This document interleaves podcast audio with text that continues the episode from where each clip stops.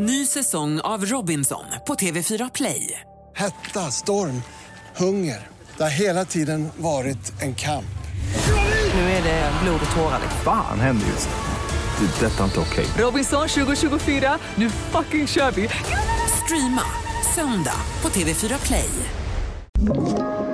Podplay. Hej, det är dags för podden Snutsnack igen och jag som håller det heter Hasse Brontén.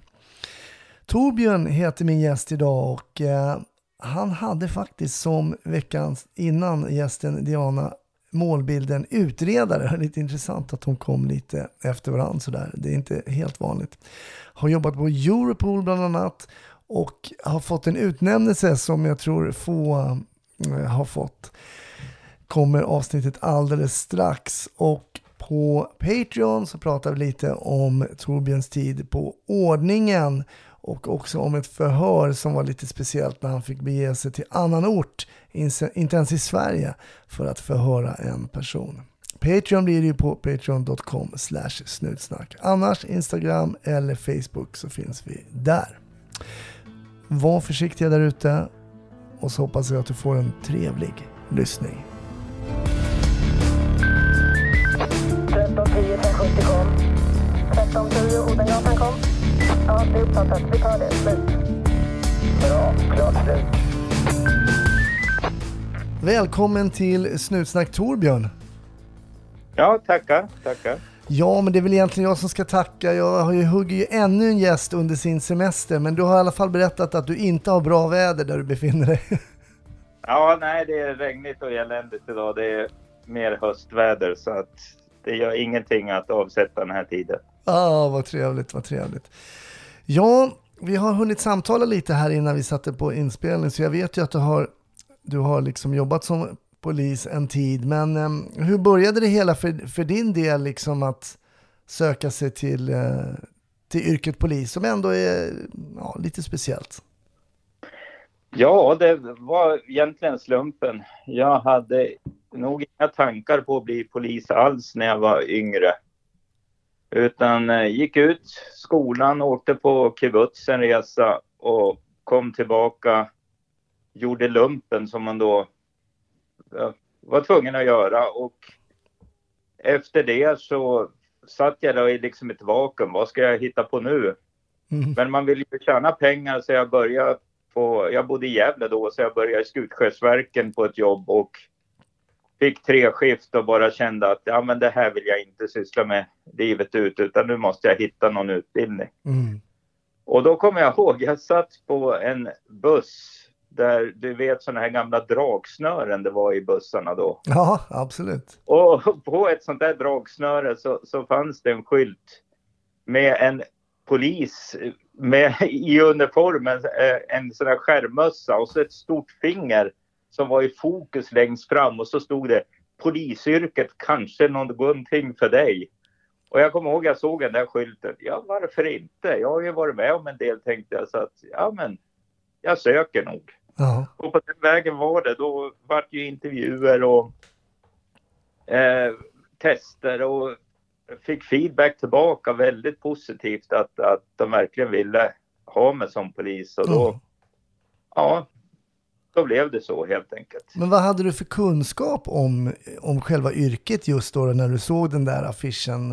Visste du någonting om yrket i sig? Jag visste lite grann, för jag hade en kusin då, Gudrun som var polis och hade berättat lite grann och hon var ju också gift med en polis som hette Anders då. Så, men jag, det var aldrig så att lyssna aktivt och vi umgicks ju inte speciellt nära. Men jag hade väl hört lite grann men det var nog inte det som drev mig utan det var nog mer läste väldigt mycket böcker då. Sjöwall Wahlöös och, och lite grann sådär. Så att det som egentligen lockade mig tror jag det var det var nog utredning. Att det spåret som jag tyckte var mer spännande när jag sökte in. Så, så målet var väl, även om man- visste att man skulle gå, börja som ordningspolis och, och resan kunde vara lång, så var det ju utredare som man ville bli då. Men du, det här är jätteintressant Torbjörn. Nu har jag haft två gäster på raken som säger att utredning var liksom tankarna som låg liksom till grund för eh, ja, polisarbete, eller det, man, det polisarbete man ville liksom göra. Och det av alla gäster som jag har haft nu eh, genom åren så är det, jag tror ni kanske är de två enda som, som yttrar det så. Ja, nej, utan det här var ju också, det här var ju när jag sökte in, det var ju 84. Mm. Så att det var ju väldigt tidigt och man visste ju det att det var ju det var ju en lång resa. Det var ju inte så, det var ju åldersbaserat för att komma någonstans. Så att man visste ju att det, det kommer att ta tid, men det var ju det som var målet helt enkelt. Mm. Och på den tiden var det, då var det mycket ganska mm, äldst gå först liksom. Det var inte alltid bara kompetens. Nej, alltså det, det började förändras där på 80-talet. Att man, eh, det var också så jag faktiskt hamnade på utredning. Det var ju att jag kommer ihåg en, en papperslapp som en lista, en intresseanmälan som satt på en sån här allmän tavla. Ja, Att var man intresserad av ekoroten så kunde man sätta upp sig, skriva upp sitt namn där. mm. Och, och ja, det var bara ett namn innan. Jag satte upp mitt namn jag också. Och, och det låg sen till grunden. Men det var ju betydligt, det var ju fem år då efter jag hade börjat. Men det var den där intresselistan som, som faktiskt gjorde att jag vart kallad på en intervju.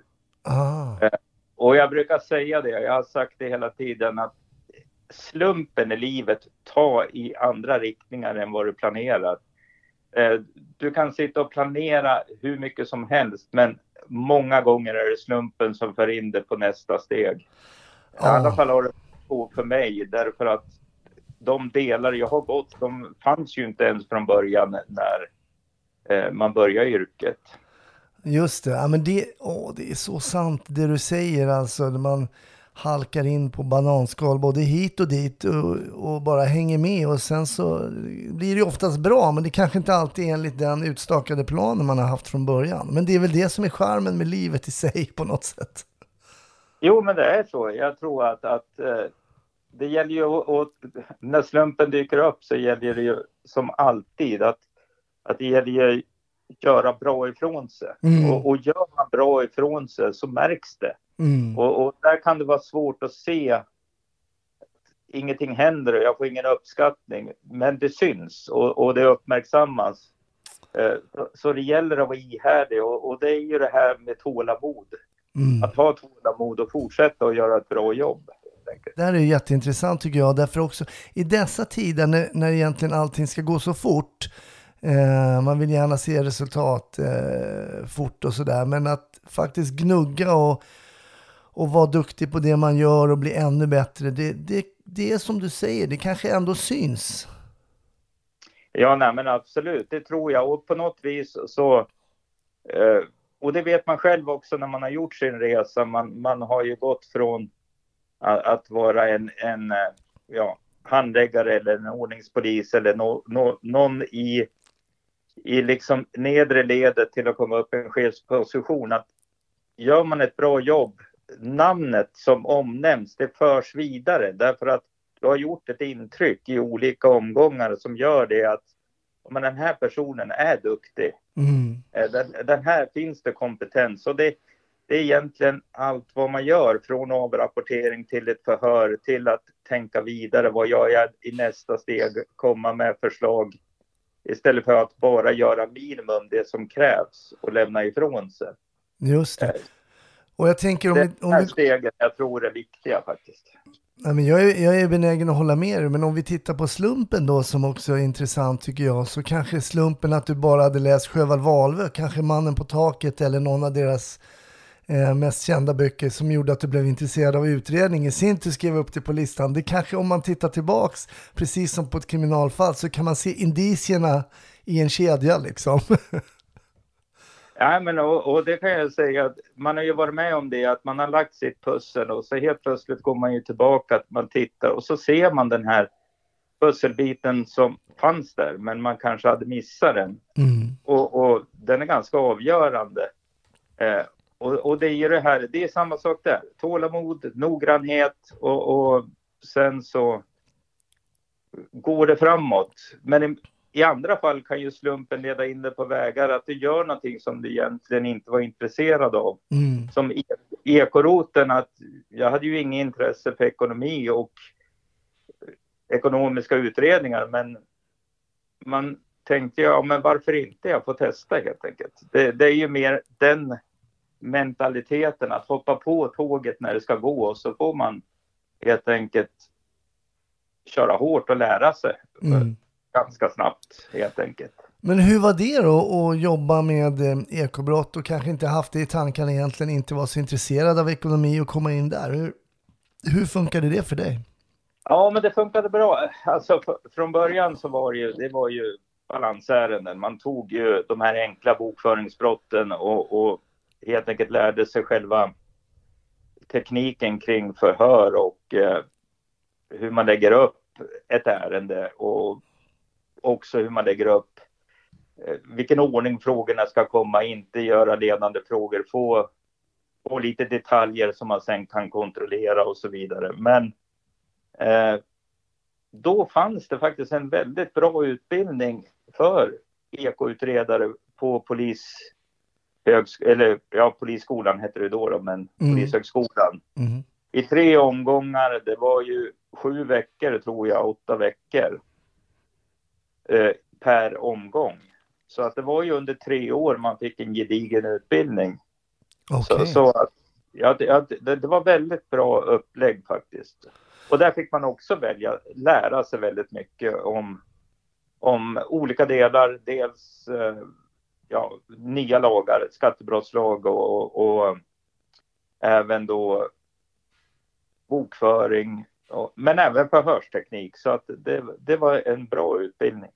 Spännande. Hur länge blev du kvar där då på en ekoroten? Jag blev kvar i ja, fem år och det var också slumpen som gjorde att jag ändrade bana då. Jag ser nog lite med perspektiv att jag nog haft femårscyklar hela tiden. Mm.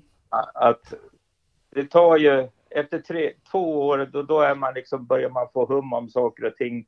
Tre år då är man faktiskt riktigt bra. Fyra år då är man, då är man kunnig, väldigt kunnig på området och, och så sen så förvaltar jag det där något år men sen vill jag ha nya utmaningar. Men Just. Mm. vad som hände med just på ekobrott, det var ju det att bokföringen börjar ju bli digital.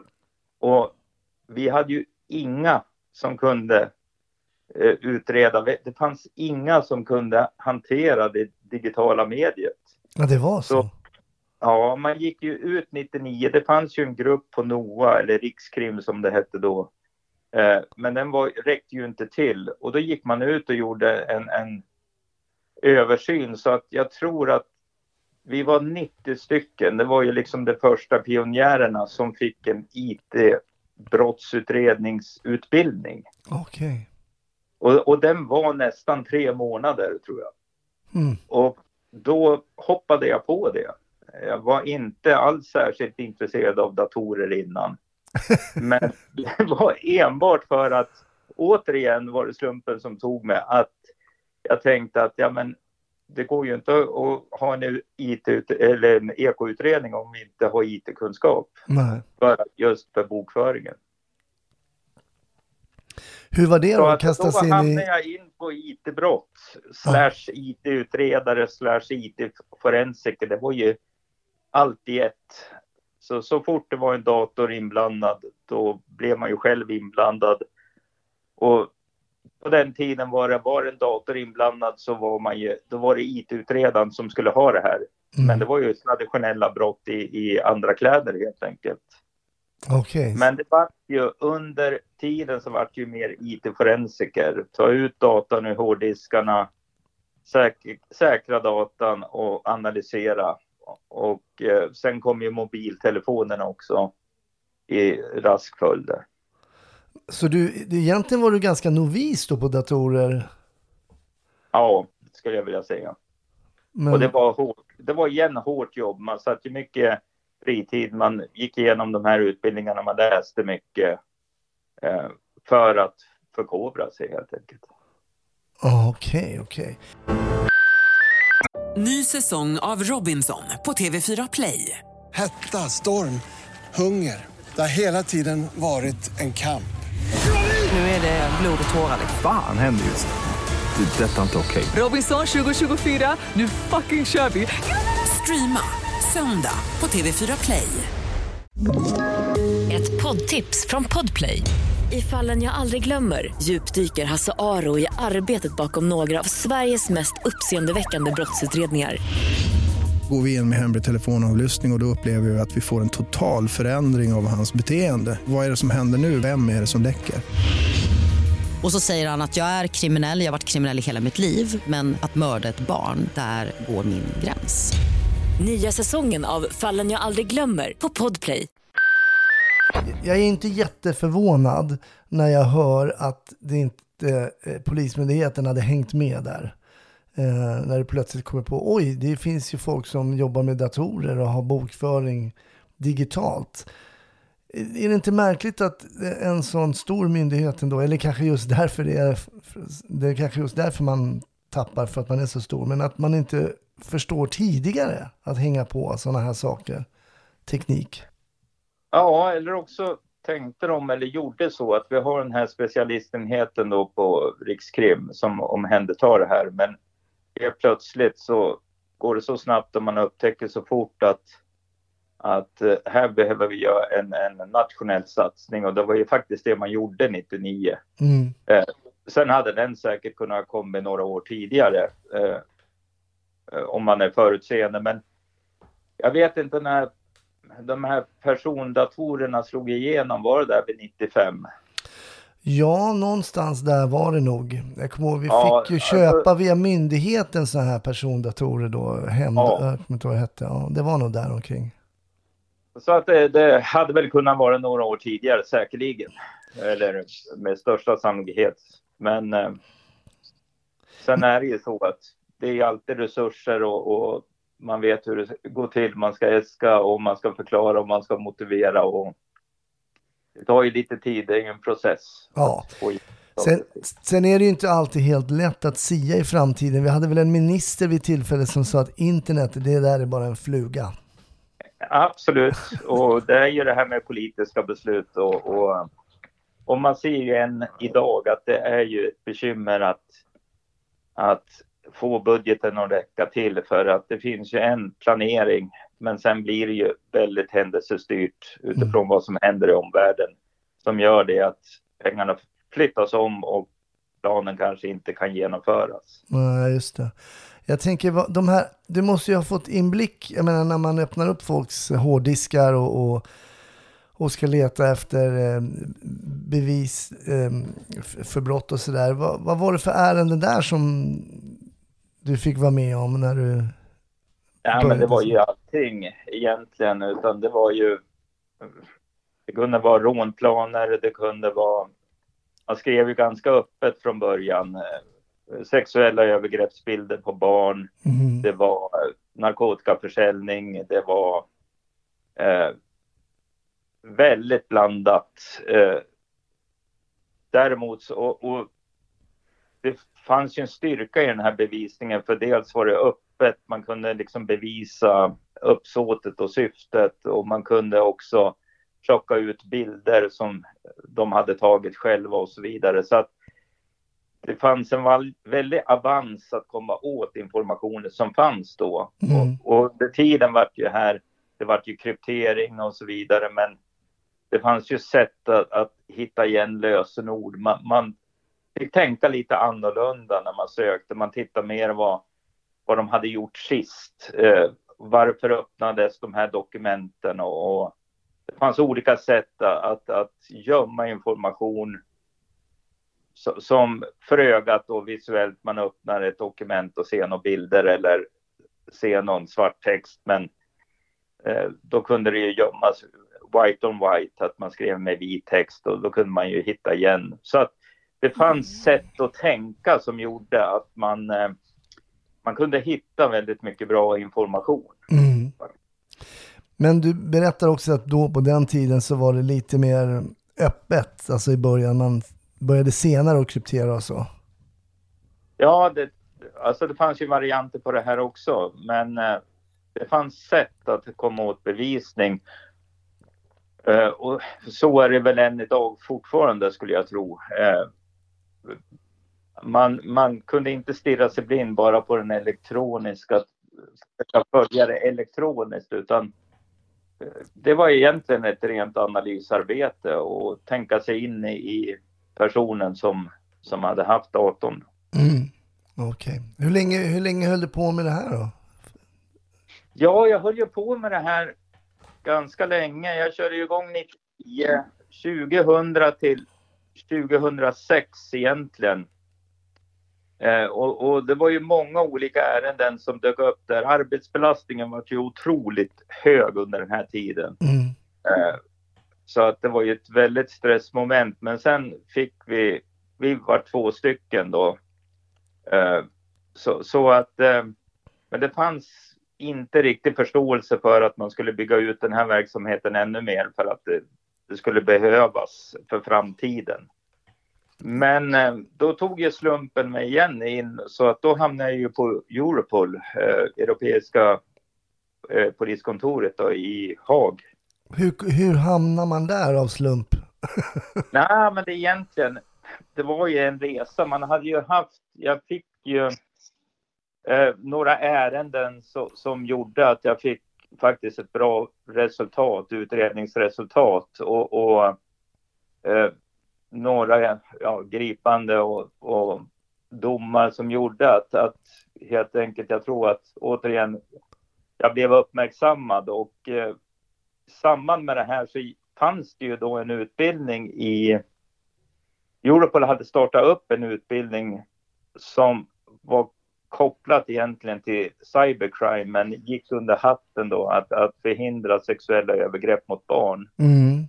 Och eh, då hade jag en, en kompis som jobbade med samma sak då på Rikskrim som heter Anders. Mm. Så han eh, sa att ja men sök den här utbildningen. Så att den första utbildningen var i Holland 2000. Och då var jag med i den och då fick jag frågan 2001 om jag ville göra en föreläsning på nästa utbildning som skulle vara i Belgien. Okej. Och, och då var det två danska killar här. Eh, De hette Lars båda två. Och en irländare som heter Mick. Och hur den var, vi satt och, och faktiskt sa liksom, vi, jag kommer ihåg så väl, vi gjorde upp planerna på baksidan av en öl, eh, alltså en sån här Underlägg? underlägg på en. Där satt vi och skissade. Så här skulle vi kunna göra det. Det skulle bli så mycket bättre. Och våran tanke var ju redan då att vi har en... För här, det här var föreläsningar efter föreläsningar och det var ju betongkepsar med massa powerpoint-presentationer med text, text, text. Mm. Och vi sa att ja, men, vi går in och så tar vi ett ämne och så har vi en teoretisk föreläsning och direkt går vi in i klassrum och så har vi hands-on utbildning. Mm. Och så delar vi upp så hade vi gjort ett, vi gör ett test från början där vi ser vilken nivå man ligger på. Och så har vi fyra olika grupper så tar vi fyra olika klassrum, eller fem vart det då. Och det här så lyckas vi sälja in så 2002 då fick vi möjligheten att eh, köra det här upplägget i en ort som heter Selm, för då hade vi flyttat oss till Tyskland. Mm. Och det varit en dundersuccé och verkligen. Och det här var en nio dagars utbildning och vi gjorde inte något uppehåll över helgen utan vi körde på. Ah. Och det, det vart dundersuccé så det där körde vi och från varje år det vart större och större så att, att eh, ja, vi hade det, deltagare, poliser från Australien, från Nya Zeeland, från FBI, från Ah. eh, forna Östeuropa. Alla ville gå på den här. Det var otroligt succé. Och den lever faktiskt än idag. Ja, vad intressant. Ja. Varför tror du att det blev en sån oerhörd succé? Var det just för att ni gick från det här lite tråkiga inmatning via liksom overhead höll jag på att säga, men powerpoint till eh, lite mer hands-on? Ja, dels det och dels, eh, ja, nu vart ju det här en del i den roll jag fick på Europol att vara project manager för den här. Men det var hela tiden att vi såg ju till att vi rekryterar ju sådana som hade visat framfötterna på utbildningen så som instruktörer då. Mm. Eh, och, och det var ju inte bara kunskap utan sätt hur man hanterar andra människor och hur man pedagogisk man var och, och ja, som person också. Men var ju hela tiden, de som hade utbildningarna var ju hela tiden sådana som var hands-on själv. Okej. Vad de pratade om. Och, och jag tror det var framgångsfaktorn för att eh, det här, det hela tiden gick ju ut på att sprida kunskap, göra det bättre. Så egentligen var det en internetspaningsutbildning, men eh, det var ju verktygen, IT-verktygen man använde för att kunna hitta bevisningen som sen i sin tur då eh, resulterade i att vi hade speciella sessioner då vi helt enkelt eh, gick in och, och tittade mer på övergreppsbilder på barn. Men det var egentligen bara två dagar av de här nio. Mhm. Men fick otroligt bra resultat av det där. Spännande. Men sen, berätt, sen blir du project manager, är det rätt titel eller? Ja, alltså det vart ju så. För att på slutet, jag tror att det var... Vi var ju åtta instruktörer nästan, sex, sju, åtta. Vi skiftade ju lite grann och det var ju uppåt 80 deltagare och dessutom fanns det ju några som skötte om servrar och så vidare. Så det vart ju en, en väldigt stor utbildningsinsats Mm. så- som eh, ja, jag då ledde. Och det vart ju ungefär en tioårsperiod det här. Ja. Men var du delaktig också, inte bara utbildning utan också i um, aktuella fall så att säga?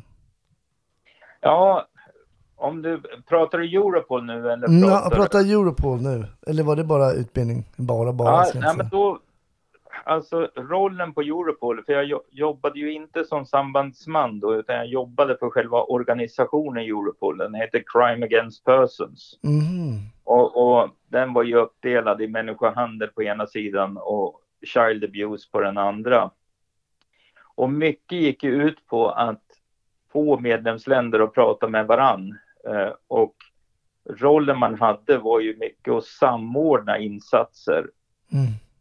Det behövdes ju att ett medlemsland tog lead tillsammans med ett annat och det behövde tre medlemsländer tillsammans som, som ville driva det här. Mm. Och var det konkreta ärenden så, så man kunde vara med men man fick inte röra någonting. Man var mer som en, en sorts rådgivare i de fallen. Och så sen var det ju lokala polis som kanske gjorde ingripande.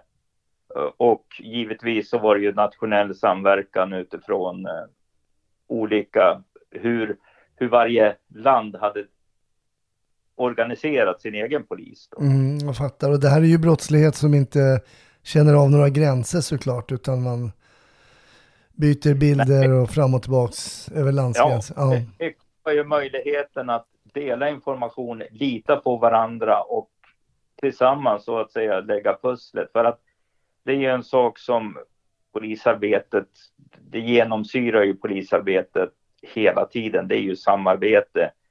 Och, och just det här att, att väldigt många personer tillför olika delar som ger en helhetsbild. Mm. Det är ju sällan någon enskild person den som är avgörande på något vis. Just det. Men du hade sådana här ärenden här hemma i Sverige? Jobbade du med sådana här ärenden? Till exempel eh, barnpornografi och sådär? Jo, nej men alltså så var det ju. Och eh, det, det var ju... Man kunde säga här övergreppsbilderna, det var ju ganska snabba ärenden för att det räckte ju med att man fick ett beslag och så sen så tog man in och så kunde man hitta bilder och så sen så fick de dagsböter. Men det var ju inte det man var ute på utan man ute efter, man var ju ute efter att försöka se vilk, kan, kan vi på något vis identifiera något barn här och sen gå vidare. Mm. Och det var ju det samarbete med på Europol gick ut på att försöka hitta de här, var, det första steget, vart kan de här bilderna vara producerade? Vilket land Mm. kanske det här barnet finns i? Det var ju liksom steg ett. Jag tänker att det är oerhört svårt. Alltså ibland kan man ju se en bild och se att till exempel ett dörrhandtag inte, det här dörrhandtaget, jag bara tänkte, nu bara pratar jag helt eh, fritt, jag har aldrig jobbat med sådana här ärenden, men att, att man kan identifiera på små detaljer att man till exempel inte i Sverige, på, man kan se det på fönster eller något sånt där. Är det sådana saker man går på eller hur börjar man luska? Ja, det är ju sådana detaljer. Försöka, försöka styra över att ja, men det här är nog... Man googlar ju väldigt mycket. Man kunde se någon kartong med någon text, någon boktitel. Man tittade Mm. kontakter och så sen så försökte styra. Ja, men det är inte, det är inte Sverige, det är inte ett skandinaviskt land. Och kunde man hitta, då kunde man ju skicka de här bilderna. Det här tror vi faktiskt är Australien eller vi tror att det är USA eller vi tror att det är... Så att man liksom försökte få bilderna rätt. Just det. Mycket handlar ju om att sålla ut gamla bilder som kanske redan var kända. Att, att, Mm. att inte lägga krut på dem utan försöka hitta om det fanns eget producerat material och, och utgå från det och, och eh, försöka se är det här knytning Sverige för att det fanns ju ett behov i den här kretsen att få nya bilder så det producerades ju nya bilder hela tiden. Mm. Jag tänker på, det här är ju bilder som man egentligen inte vill se. Det är ju ofta så kanske i polisarbetet att man får ju också så att säga visuella intryck som man inte vill se egentligen, men man är ju så illa tvungen därför det tillhör yrket. Men hur hanterade du att, att, att eh, kolla på sådana här bilder till exempel? Ja, nej, men det var ju jättejobbigt från början. Eh, det, det tog ett bra tag innan man, man eh, lärde sig, utan eh, det handlar ju om att koncentrera sig på detaljerna. Det vart ju, vi byggde upp en referensdatabas och Sverige var ju först med det. Men sen så spreds ju det här via en som också heter Anders, en annan person, via Interpol. Men vad man gjorde det var ju att försöka sålla bort allt gammalt, vilket underlättar det hela. Då kunde man så att säga lägga det åt sidan och koncentrera sig på vissa andra. Mm. Men eh, det var ju egentligen, det som var jobbigast var ju att behöva lyssna på ljudet. Ja, mm. och ibland fick du ju göra det för att försöka höra om det var något speciellt språk eller någonting sånt där. Men sen när man hade gjort det en gång, då stängde man ju bara av ljudet och så fortsatte man på detaljerna. Så att man lärde sig på ett sätt att, att koncentrera sig på det som var väsentligt. Just det. Eh, eh, så att, ja, Men men det, det, var en process, det var en process att, att komma förbi det där faktiskt.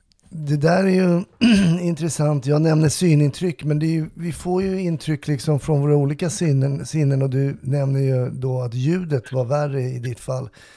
Eh, ibland kan det ju vara till och med lukter eller någonting man är på jobb. Ja, vi har alla varit på Ja, dö- dödsfall kanske som polis, men det finns ju andra intryck också med luktsinnet som man kan reagera på. Det finns ju oerhört mycket som gör att man reagerar som man reagerar. Men i början då, Fick du någon hjälp med det här om man säger så här, eller bara säger, ah, titta på de här bilderna, eh, försök hitta detaljer och så vidare och så vidare. Eller pratar man om det här på den avdelningen så att säga först innan man introducerar någon till det här arbetet? Ja, men det var, det var ju ingen som förstod riktigt. Eh, Och det var ju ingen, man hade ju en kamp att till och med visa bilderna i rätten. De vill inte se det här. Ja, Ah. men hur ska ni då kunna ta ställning?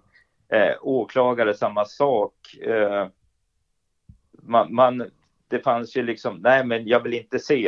Eh, ja, men hur ska ni då kunna döma? Det var en process där man fick stå på sig och, och säga att ni måste faktiskt titta på materialet om ni ska kunna bedöma det här. Ja, ja, Eh, okej. och det var ju en väldig process det här. Man kunde ju inte exponera det här hur som helst i en rättssal heller, utan man fick dra ut några bilder och visa och det var, låg i ett kuvert som öppnades och så vidare. Mm. Så på den tiden, det var nytt för många och, och man gjorde ju så, man varvar ju det här att hade man haft någon granskning, ja då gick man in och så tog man något narkotikaärende nästa gång eller något några rånplaner eller något annat Mm. som man då plockade fram bevisning och så sen så gick man tillbaka. Men eh, det, det, ja, det, det, det var tufft och, och det, det var ju tur att det fanns andra ärenden att kunna inrikta sig på så att man fick sålla det där lite grann själv faktiskt. Mm. Ny säsong av Robinson på TV4 Play. Hetta, storm, hunger. Det har hela tiden varit en kamp. Nu är det blod och tårar. liksom. Fan händer just nu. Det. är Detta är inte okej. Robinson 2024, nu fucking kör vi! Streama söndag på TV4 Play. Ett poddtips från Podplay. I fallen jag aldrig glömmer djupdyker Hasse Aro i arbetet bakom några av Sveriges mest uppseendeväckande brottsutredningar. Går vi in med hemlig telefonavlyssning och, och då upplever vi att vi får en total förändring av hans beteende. Vad är det som händer nu? Vem är det som läcker? Och så säger han att jag är kriminell, jag har varit kriminell i hela mitt liv men att mörda ett barn, där går min gräns. Nya säsongen av Fallen jag aldrig glömmer på Podplay. Jag brukar alltid fråga om ett, ett minne från den polisiära tiden. Liksom. Vad har, du, har du något sånt minne eller ärende? Och då menar jag inte något specifikt brott vi har pratat om här, eller bara någonting som har dykt upp som blev lite extra intressant för dig och sitter kvar i minnet hos dig av någon anledning. Ja, jag kan. Det finns ju många att välja på, men eh, som återigen som det kan bli. Eh, Just det här att eh, ibland är det så att man gör väldigt bra jobb och, och så sen så blir det egentligen inte uppmärksammat och du funderar varför. Och ibland så får du beröm för någonting som, som du kanske egentligen tycker att äh, men jag gjorde ju inget märkvärdigt. Nej, Ungefär som en fotbollsmatch. Mm. Du kan göra väldigt mycket bra, men du sköt stolpe ut. Och nästa gång match får en strumprullare och gör en väldigt dålig match, men det är avgörande målet. Ja, Just det, jag fattar. Ja. Men i det här fallet så, så var det mer att det var under en kort tid, väldigt komprimerad tid, som, som jag bestämde mig för, nej men fasen, jag går vidare med ett ärende. Och det var så att jag tror det var måndag morgon så hörde jag att eh, Ångermanlands Tidning hade drabbats av eh, ett, en datamask. En, ja, en, en, helt enkelt ett virus som hade spridit sig in i servrarna på Ångermanlands Tidning Mm. och gjort så att hela servern stängdes ner. Och det var inte bara Ångermanlands Tidning utan det var många stora tidningar som hade drabbats och även privatpersoner. Okej. Mm. Och, och det var måndag, jag tänkte, ja men fasen jag åker in på jobbet och äh, jag, ärendet hade hamnat på Rikskrim. Och, och det var ju ett lokalt ärende men det hände ju ingenting och så sen kommer vi på tisdagen och så ringer jag upp och frågar. Och jag fick svaret, ja men det är elektroniska spår och det här är ju en mask, den har ju spridit sig överallt. Vi kommer aldrig att komma någonstans. Och, och då ställde jag frågan om det var okej att jag jobbar vidare med det lokalt då. Mm. Eh, och då fick jag go ahead.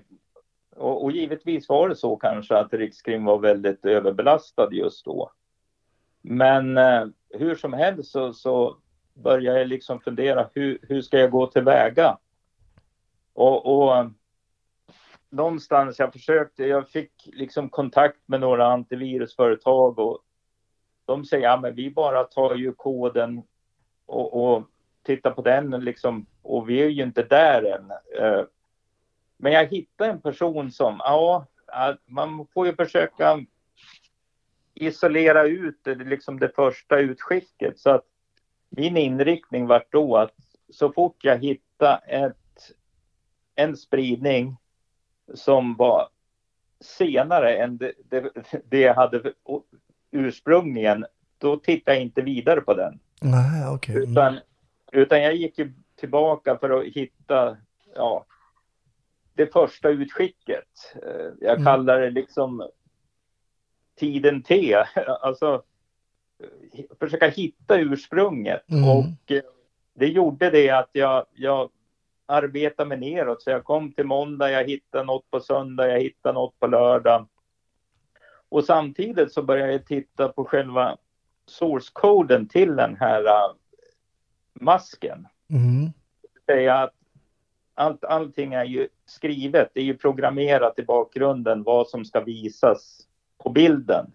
Okej. Mm. Och, och det kan ju vara så att det, kan ju finnas information i koden som inte är visuellt, det du tittar på skärmen.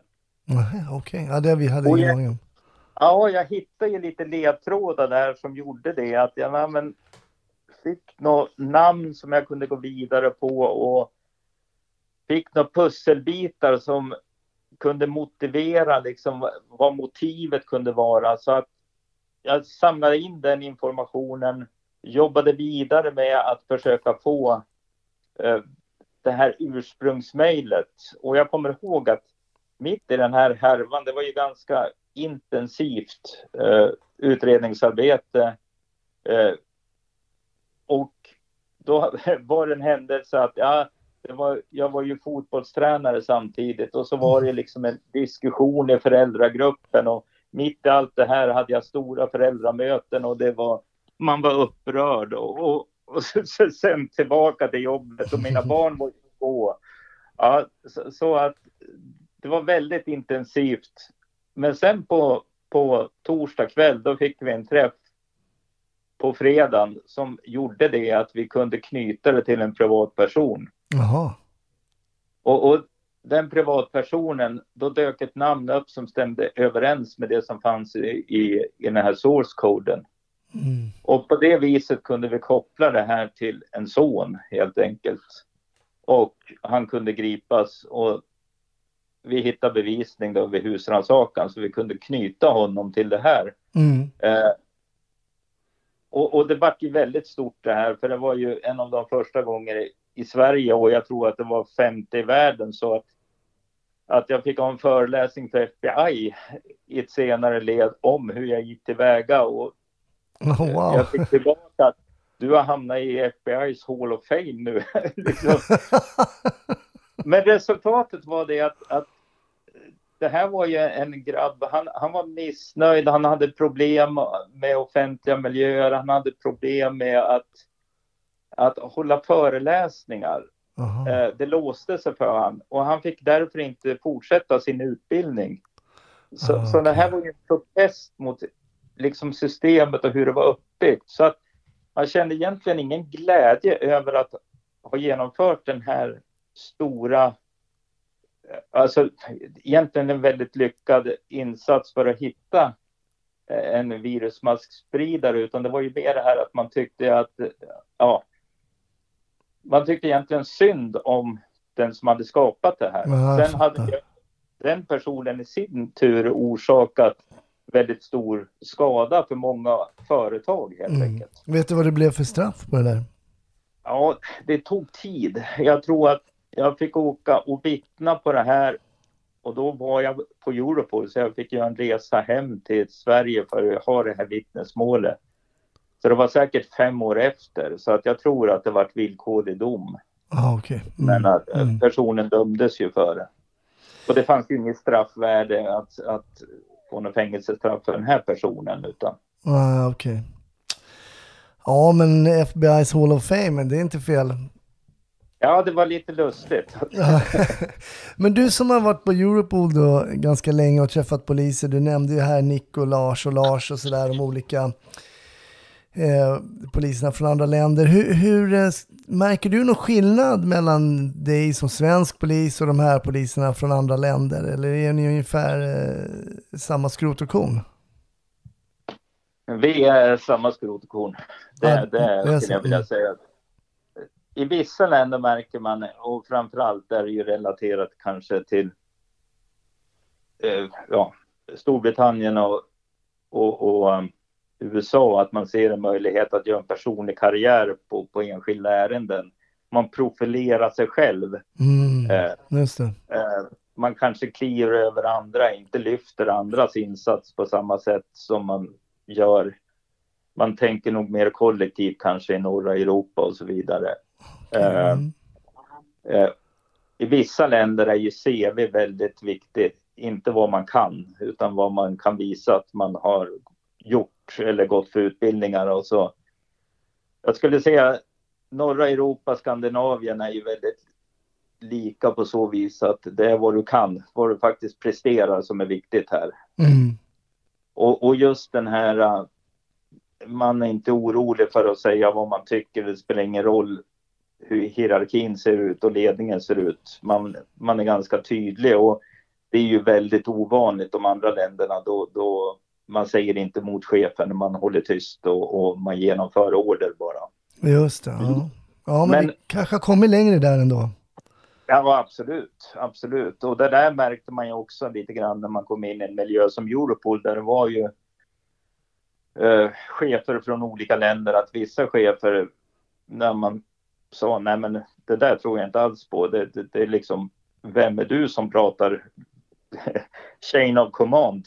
Ja, Vad säger du? Eh, men jag tror generellt så, så är det ganska lika, för viljan är ju att hjälpa, ställa till rätta helt enkelt och, Mm. och, och helt enkelt komma framåt.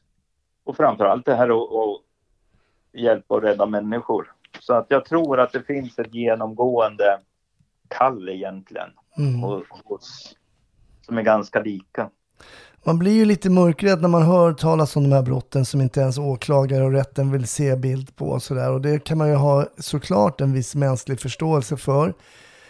Men man är också lite rädd för nu när man, jag har haft gäster som har jobbat med också, det känns nästan som att det är en, en brunn utan botten eh, kring de här brotten. Som är, det är svårt att, att utreda och det finns många förövare som är, är kluriga rent tekniskt och sådär. Hur kände du kring det där att det liksom det är inte bara gripa en person som har spridit lite bilder utan det fortsätter liksom. Ja, men alltså jag tror att det, det gäller ju att konsekvent helt enkelt eh, bekämpa. Mm. Det, det är ju samma sak eh, om man tänker sig korruption. Ko- eh, Korruption är ju det som är det är förödande för ett demokratiskt land. Det är Mm. någonting som man, det spelar ingen roll om det, det orsaken är ekonomisk vinning eller vänskapskorruption eller blodsband eller någonting. Det är någonting som man hela tiden måste bekämpa Mm.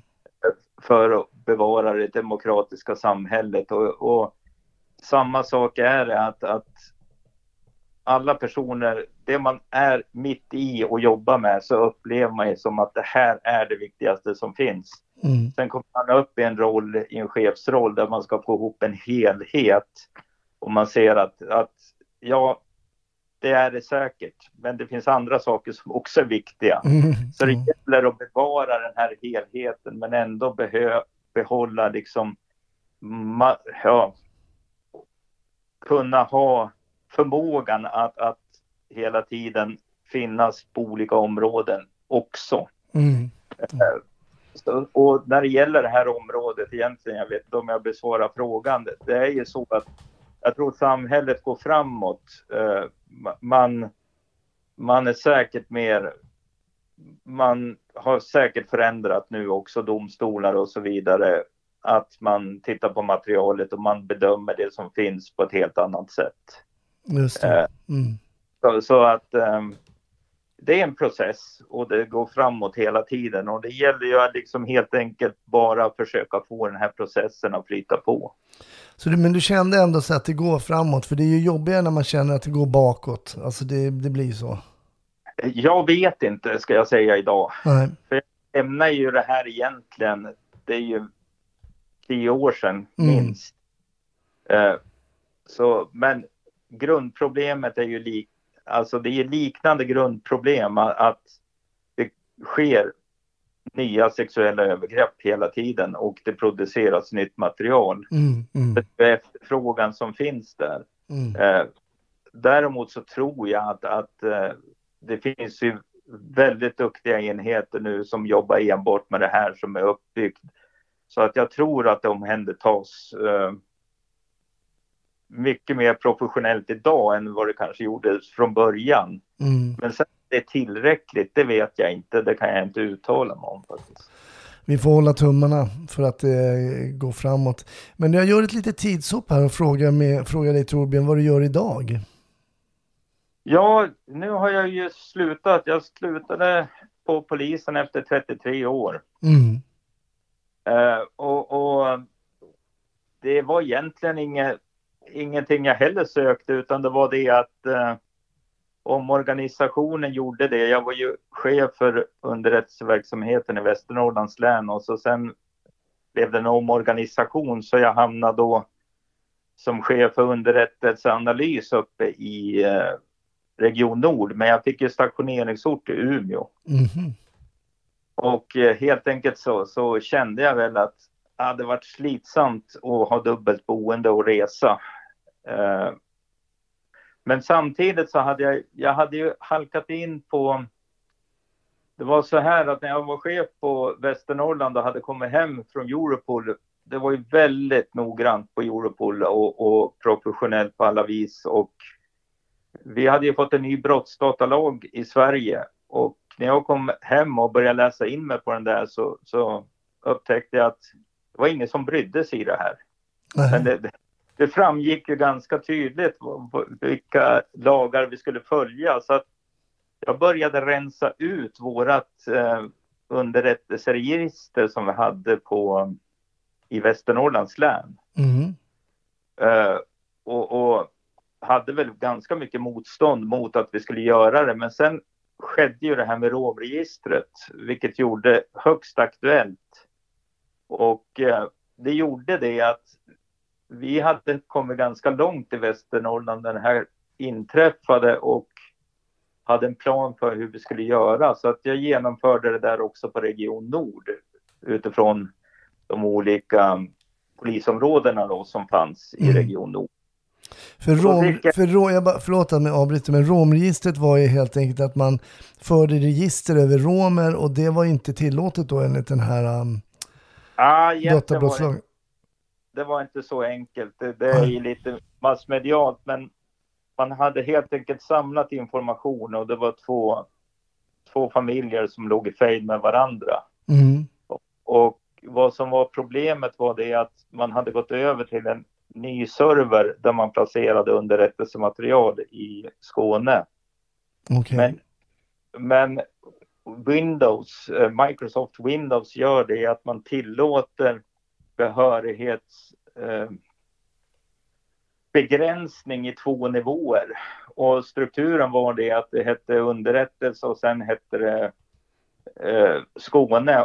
Så att de underliggande eh, nivåerna kunde inte behörighetsgränsa. Så att när man satt och jobbade med det här materialet i en egen mapp i en ort så trodde man ju att det var bara begränsat till de här antal personerna som kanske jobbade där, om vi säger Mm. åtta stycken. Mm, mm, mm. Det var inte så när man, utan det var så att ganska många, rejält många hade möjlighet att gå in i den här enskilda mappen. Så, Okej, så det jag måste bara... Det är allvarligt för att det var ju alldeles för många som hade behörighet. Mm. Sen fanns det ju andra, andra omständigheter. Jag ska inte gå in på det för det är inte mitt, jag ska inte tala om det här. Men det, det var omständigheter som gjorde att det vart galet helt enkelt. Mm. Eh, och, och det fick ju följder också. Men eh, vad, vad det innebar i det här läget var ju det att jag fick ett nationellt uppdrag att även då se till att all underrättelseverksamhet i hela Sverige rensade ut och fick ordning på sin information. Mm. Jag fick ett nationellt projekt faktiskt att göra det här. Okej. Och, och i den vevan så var det ju, alltså det var ju att förklara och resa runt och, och försöka få förståelse för varför vi behöver göra det här, men också ett nytt sätt att hantera information istället för pdf-dokument som det var väldigt blandade brott som kunde stå så delade vi upp det här liksom utifrån elektronisk information som kunde styras rätt helt enkelt. Eh, Okej. så det var, var ett projekt och jag hade mycket samarbete då med eh, eh, dataskyddsombudet då på polisen och även en eh, chefsjurist som, som eh, var väldigt duktig. Så vi arbetade igenom det här på ett väldigt bra sätt och, och fick igenom det här. Och det gjorde det att när jag såg att Bolagsverket sökte ett dataskyddsombud så tänkte jag, nej men jag söker den här tjänsten. Mm. Eh, och då fick jag den och då fick jag den som en, en 50% tjänst som dataskyddsombud då för Bolagsverket men även eh, 50% när det gällde eh, som strateg. Så att jag, just nu jobbar jag väldigt mycket med digitalisering av företagsinformation. De, eh, på nordisk nivå som vi ska kunna få ett bättre flöde av den här informationen. Att, att eh, med lagstöd och med teknisk hjälp kunna vara läsbar i hela Norden. Då. Okej, så du har, nu vet jag inte om vi pratar om slumpen längre, men det här med att du inte längre är polis då, det är ju... Är det slumpen eller är det, är det någonting annat? Ja, jag skulle vilja säga att det var slumpen där också. ja. Eh, Många polis kanske lämnar och blir säkerhetsansvarig Mm. eh, på olika sätt. Men eh,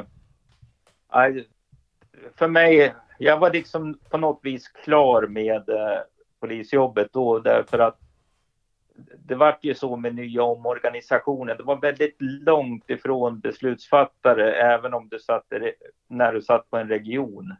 Mm. Eh, hade inte samma möjlighet att påverka och då var ju NOA en möjlighet då. Men det var samma sak där, att skulle jag jobba för NOA då 2017, 18 var det väl aktuellt, så var det fortfarande det att stationeringsorten skulle vara Stockholm. Ja, då Mm. var det ju boende igen. Ja, jag fattar. Jag var inte intresserad av det. Men vilket, vad skulle du säga har varit bäst med din tid som polis? Vad har det varit bäst med yrket så att säga? För det, du stod ju ändå på den där bussen och såg den där affischen och hade egentligen ingen aning riktigt om vad polisyrket innebär och vad det skulle ta dig. Men om du tittar tillbaks på dina 33 år, vad, vad har du uppskattat mest? Ja, jag har aldrig känt att jag inte vill gå på jobbet. Jag har alltid gått dit med glädje Mm. och det var, jag måste säga, det är ju humorn. Alltså, Mm. man hade mycket roligt. Allt från att man var ordningspolis och, och innebandyturneringar och, och snacket man hade. Det var ju alltid humor och det var ju det som gör att man liksom eh, helt enkelt tyckte det var så kul. Det var ju alla kollegor, alla kompisar helt enkelt. Mm. Ja, roligt, Eh. roligt höra. Mm. Framförallt det och så möjligheten till att du kan ju välja otroligt många inriktningar inom polisen. Mm. Det är ju så... Så all, en del kan vara intresserade av trafik, en del kan vara intresserade av hundar. Du har utredning, du har IT.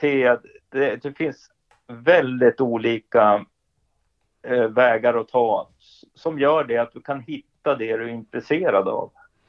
Just det. Mm. det finns många yrken i yrket ja. Ja, men det, man får ju gå tillbaka det här. Det gäller ju att som person vara driven, vara intresserad, vara beredd att lägga ner lite extra arbete och, och göra ett bra jobb helt enkelt. Det finns ju, det går ju inte att ta genvägar och lättaste vägen, Nej.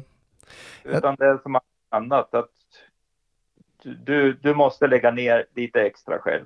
Mm.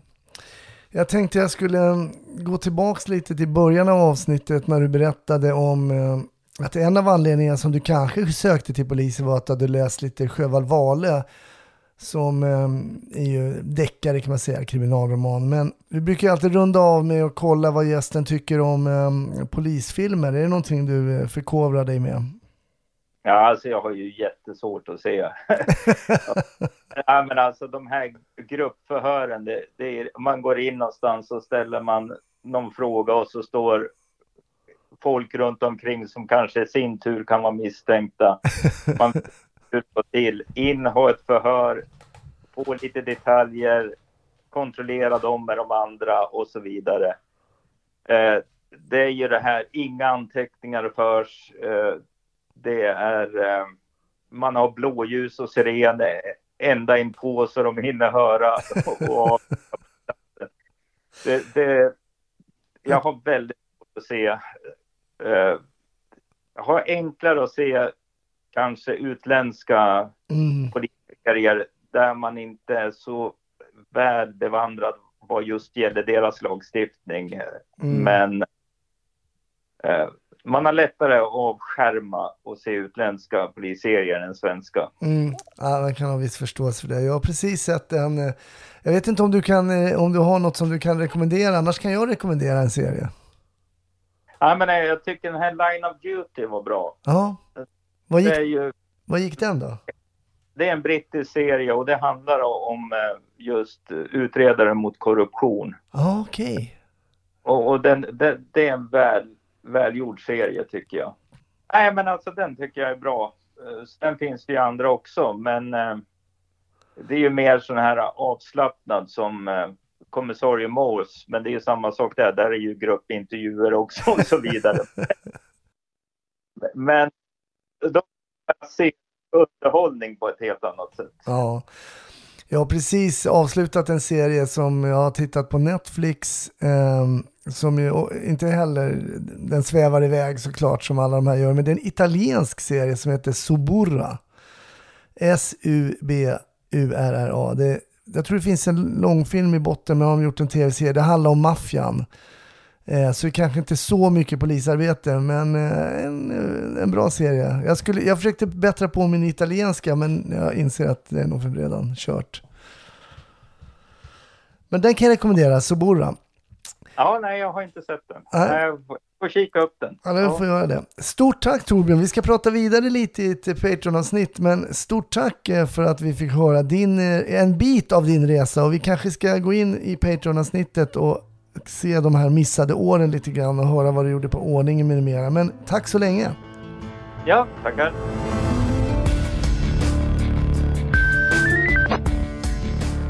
Tack. Snutsnack är över för den här veckan, men såklart, som jag alltid brukar påpeka, så kommer det ett nytt avsnitt i nästa vecka. Hoppas att du lyssnar även då. Följ oss på sociala medier eller så blir det Patreon och ta del av bonusmaterial på patreon.com snutsnack. Ha det fint. Hej då.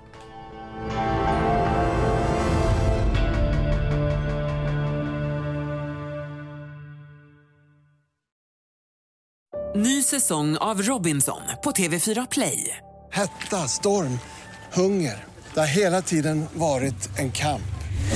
Nu är det blod och tårar. liksom. Fan händer just nu. Det. är Detta är inte okej. Robinson 2024, nu fucking kör vi! Streama söndag på TV4 Play.